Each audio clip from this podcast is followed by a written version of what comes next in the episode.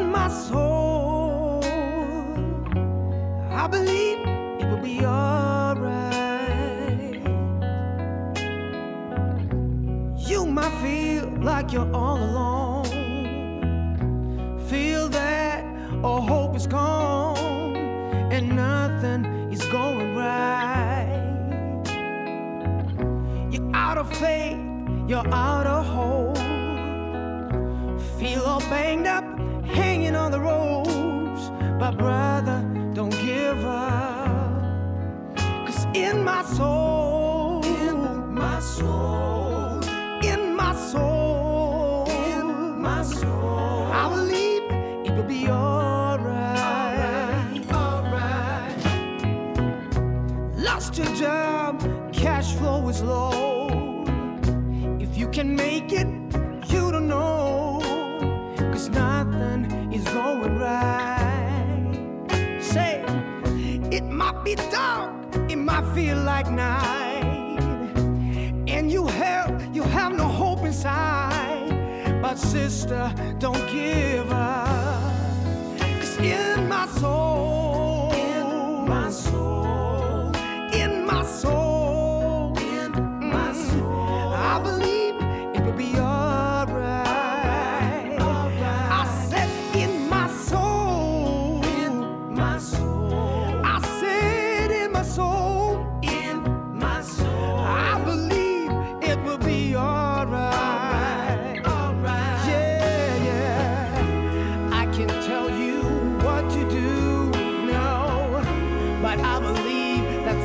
cares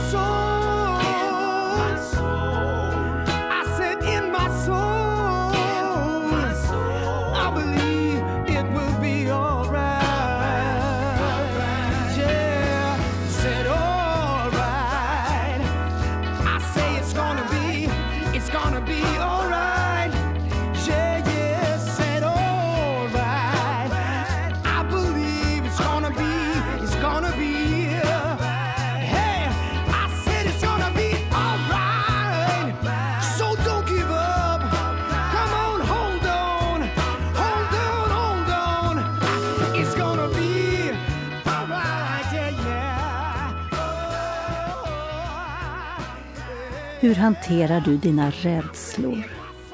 Erkänner du för dig själv att du faktiskt är rädd? Har du funderat på vad orsaken är till varför du känner dig rädd? Du är kanske rädd för vad andra människor ska tycka om dig. Eller så är du rädd för att misslyckas med en uppgift som du har. För att bemästra våra rädslor behöver vi bli medvetna om vad vi säger till oss själva om det som gör oss så rädda. Många gånger inser vi inte själva att vi blir rädda när vi pratar till oss själva på ett speciellt sätt. Det pågår som ett tyst inre samtal och kan vara en del av det som gör oss rädda. Vi säger till oss själva att något hemskt kommer att inträffa. Våra tankar och kroppar förbereds för att möta den tänkta faran och vi känner oss stressade. Det kan faktiskt räcka ibland att man på ett nytt sätt börjar prata med sig själv för att minska sin rädsla. Man skulle till exempel kunna säga att misslyckas är inte kul, men världen går inte under för det. Jag duger som jag är. Vår rädsla kan hänga samman med det som hänt tidigare i livet och det kan ju påverka våra tankar om framtiden. Okunskap kan också vara en källa till rädslor. Ju mindre vi känner till om något, ju större kan vår rädsla bli. Ibland kan källan till vår rädsla vara en fantasiprodukt som har blivit till ett stort luftslott. Vi oroar oss för vad som skulle kunna hända. Vi lever genom fruktan och ångest. Oftast händer inte det som vi är så rädda för, men rädslan kan förfölja oss år efter år och ibland genom hela livet. Hur konstigt det än låter kan faktiskt rädslan bli som en kompis som man inte vill bli av med. Då kan det hjälpa att prata med en vän om det man är rädd för och plötsligt kan hjärnspöket krympa eller bara försvinna. Ibland måste man helt enkelt utmana sig själv och våga göra det man är rädd för och inte trodde att man skulle kunna klara av. Nu ska vi höra vad Gunilla råkade ut för när hon reste runt för att intervjua krigsveteraner i Finland. Det är en händelse som hade kunnat sluta riktigt illa, men det hela fick ett lyckligt slut. Det var så att jag var ute på kvällspromenad och så gick jag, ja jag var i en backe, en hoppbacke. Eh, alltså jag var inte i själva backen som tur är, men jag gick i slänten där och jag gick ner för trätrappor och så, eller jag upptäckte att det fanns trätrappor så tänkte jag kanske jag kan ta en kortare väg ner istället för att gå den slingrande vägen runt om. Och, och det gick ju bra längs trätrapporna och sen kom en stig där det fanns grus. Första foten jag satte ner det gick bra men sen den andra foten så gled gruset iväg och jag fick en väldans fart för det var brant och så fanns rep spända över backen för att hålla fast plastmattor som finns i en hoppbacke. Så där det fanns inte plastmattor där jag gick men repen fanns där. Så jag snava och allt gick på en sekund. Och så bara blev allt svart för mig. Och jag vaknade eh, och eh, då märkte jag att jag hade huvudet neråt i backen. Och då tänkte jag att vad bra för jag hade nog svimmat eh, men då hade eh, eftersom huvudet låg neråt så, och då tackar jag Gud att jag ramlade på det sättet, så fick jag blod och syre igen så jag kunde vakna upp. Och det var på kvällen, det var halv elva tiden. Det var visserligen i maj och det var varmt och vackert väder och det var ljust där jag var. Det var i Finland på ett ställe som ganska långt norrut, eller tillräckligt långt för att det skulle vara ljust den tiden och eh, då jag vaknade upp så tänkte jag bara att jag måste ta mig härifrån. Hur ska jag komma härifrån? För jag märkte att jag kunde inte lyfta armen och då visste jag inte hur jag skulle stödja mig och tänkte jag kan ju inte resa mig. Och så kom genom mitt huvud vad eh, veteraner brukar säga till mig på finska Eh, på svenska är det att jag kröp centimeter för centimeter. Och, och då tänkte jag, så ska jag göra, att jag hasar mig på byxbaken centimeter för centimeter. Och jag hade tänkt ut hur jag skulle göra det. Så, och så tänkte jag, jag ska ta mig ner till den där platta fläcken där längre ner. Och jag hade tänkt ut det så äh, blev allt svart för mig. Äh, och äh, sen så men jag hade fortsatt att gå ändå. Det kallas att man går på autopilot. Eh, och jag vaknade till medvetande igen då jag var på den där fläcken. Och så tänkte jag att hur ska jag ta mig upp? För då var det en backe uppför tills jag skulle komma till allmän väg. Och sen jag, kan ju inte hasa mig uppför backen, eh, för det orkar jag inte. Då försökte jag resa mig och så kunde jag resa mig och, eh, och hitta en ställning så jag kunde hänga armen så det inte gjorde så ont. Och så då jag tänkt ut vart jag skulle gå, tänkte jag ska inte gå ditåt, men jag måste gå ditåt. Och då jag hade bara hunnit tänka den tanken så blev allt svart för mig igen. Men jag hade gått fast det var svart för mig och så vaknade jag eh, av att jag hörde röster. Och då var det några ungdomar som var vid en liten sjö där nära. Jag är så tacksam att de fanns där. Och så ropade jag till dem att jag är nykter. Vi var i Finland, jag tänkte de kunde tro att det är en full människa och inte vill hjälpa. Så jag skulle ropa att jag är nykter, men skulle ni kunna komma och hjälpa mig? Och så kom den där tjejen, hon hoppade i vattnet fast det var kallt. Eh, då hon hoppade i vattnet och simmade och kom och hjälpte mig. Eh, och så svartnade det igen för ögonen och sådär. Men då efteråt och jag är så tacksam att jag fick den här hjälpen. Jag tänkte, Gud hjälpte mig på det här sättet för jag ska kunna lämna i backen och jag ska kunna frysa där. Och då, sådana där gånger då tänker man på allt som skulle kunna hända.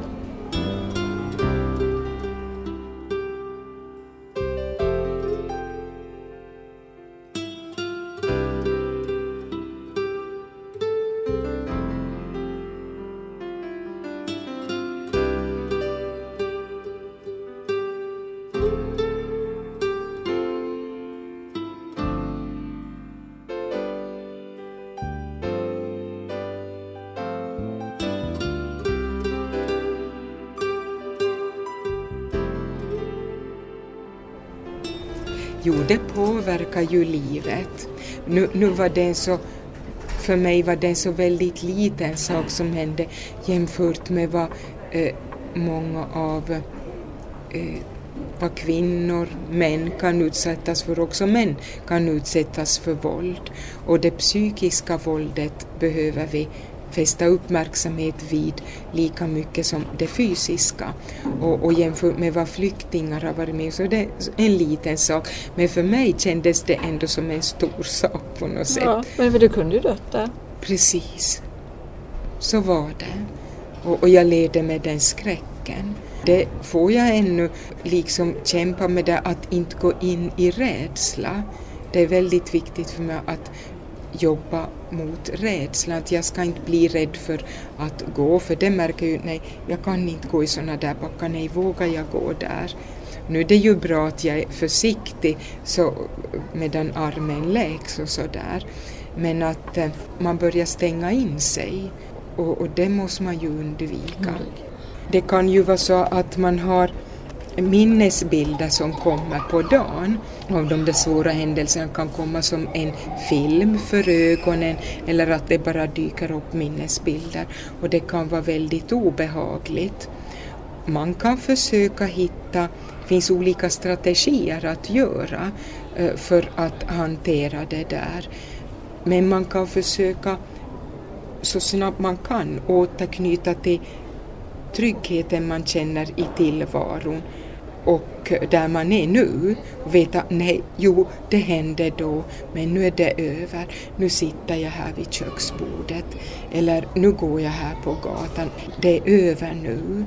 Och så låter man de här tankarna eller minnesbilderna passera. För om man blir alltför upptagen av dem så kan de etsa sig djupare istället. Som Luther sa någon gång att vi kan inte hindra, äh, då gällde onda tankar, det här är inte onda tankar utan det här är så, sår, sårade tankar. Eh, vi kan inte hindra att eh, tankar flyger över vårt huvud, men vi kan hindra, eller vi kan inte hindra fåglarna att flyga över vårt huvud, men vi kan hindra dem att bygga bo och vi kan inte hindra att minnesbilder och tankar kommer. Och vi kan också få tankar att vi vill hämnas, vi vill göra andra illa på det sätt som vi har blivit gjorda illa. Sånt kan skrämma oss men få bara veta oj, ja nu är det min hjärna som reagerar så här men det är inte farligt, det får bara flyga förbi de där tankarna och så försöker man hitta något att syssla med här och nu som gör att man återvänder till tryggheten.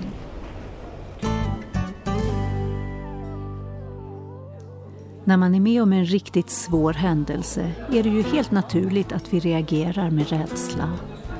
Ja, och efter musiken ska Gunilla berätta mer hur hon fick hjälp att läkas efter olyckshändelsen. Men först blir det lite musik. Längtans timmar med Maria Gustin Bergström. Längtans timmar, längtans dagar Månad efter månad går Ska jag någonsin som nästan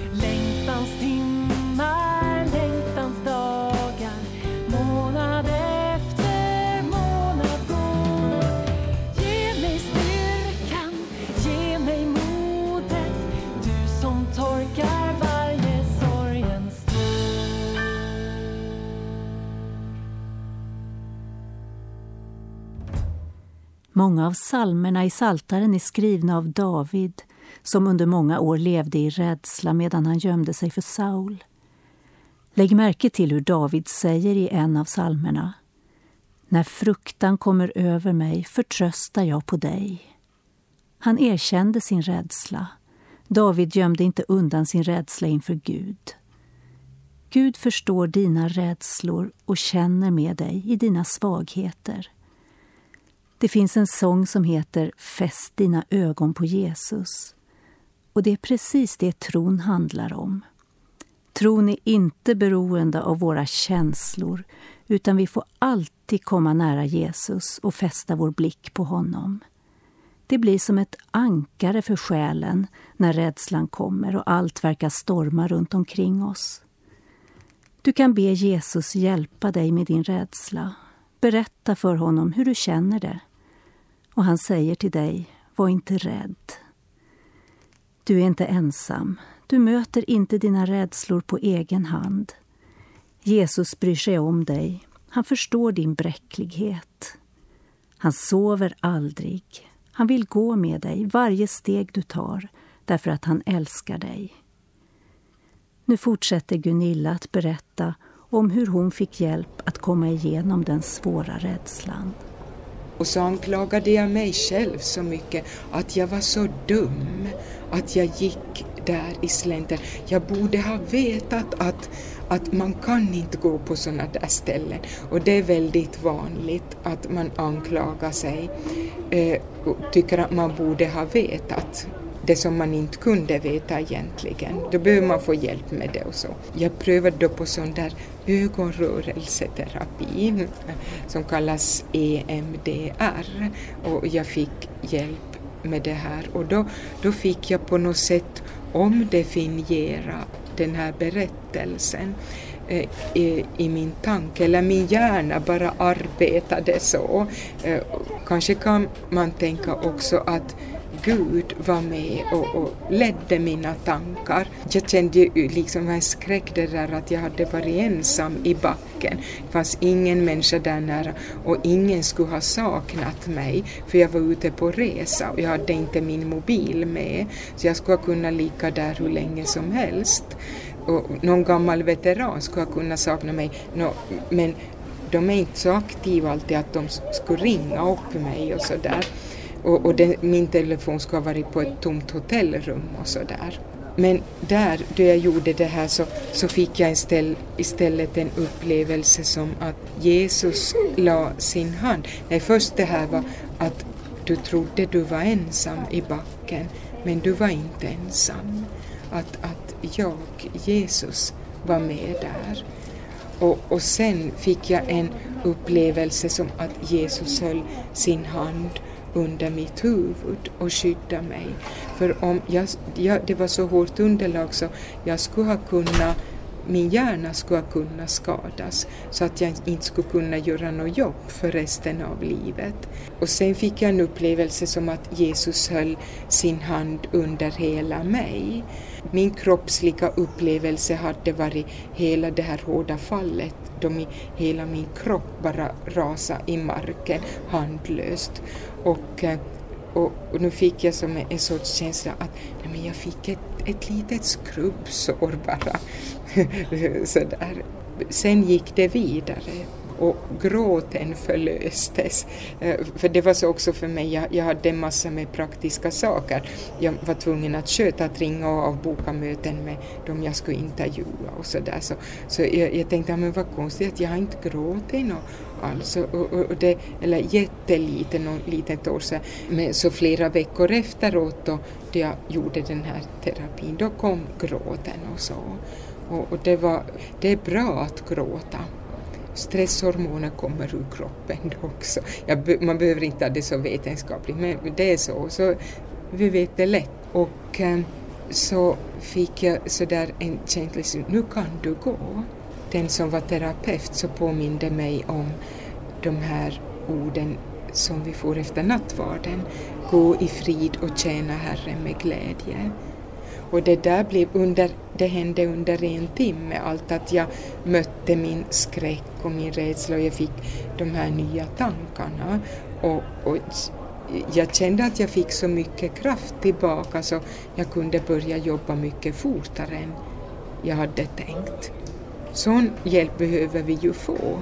Tänk om alla som är med om svåra kriser skulle få god hjälp snabbt efteråt så skulle det sparas mycket lidande för personerna själva och för anhöriga sparas pengar också i samhället. Då ska man inte vara så försiktig när det gäller att inte störa. Nej, det ska man inte vara. Tänker du på att Att man omgivningen gärna kanske tänker att nej men det måste vara lite lugn och ro, kan inte störa och ringa och fråga hur det är och så. nej, det, det gör gott att någon frågar hur det Det är jätteviktigt. Att man känner att någon bryr sig om. Man kan känna sig ensam efter en sån där upplevelse också. Ja, vi behöver varandra, vi människor. Men tänk att vi framför allt får tillhöra Gud som älskar oss och som finns hos oss 24 timmar om dygnet. Han har ju mycket uppmuntran att komma med och att vi får be om både själens och kroppens läkande, be för varandra. Det ska vi göra. Då ber vi tillsammans. Himmelske Fader, jag förstår att du vill befria mig från min rädsla. Den har så många gånger fått makten över mitt liv och jag längtar efter att få uppleva din frid. Jesus, du är inte rädd för någon eller något och du lever i mig genom din barmhärtighet och nåd. Du har mitt liv i din hand. Jag litar på att du kan lösa det som ligger bakom min rädsla. Tack för att jag får vila i dina trygga armar. Amen. Herren välsigna dig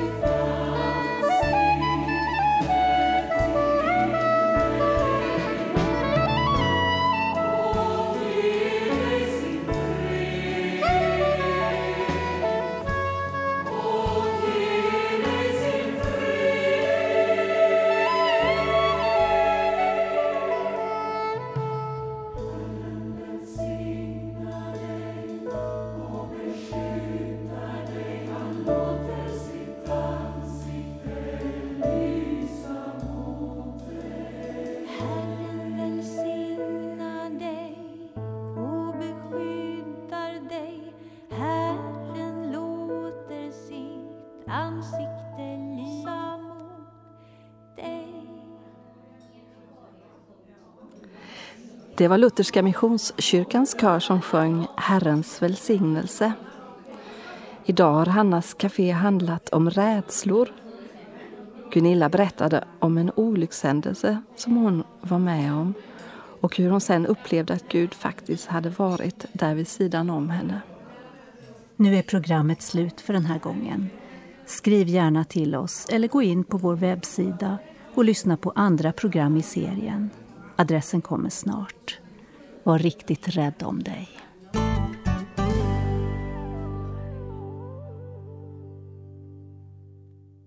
Hannas Café är producerat av Stina Backlund och Maggan Johansson för Norea Radio Sverige med adress Östergatan 20 262 31 i Ängelholm. Mailadress ph.norrearadio.se och webbadress www.hannascafé.se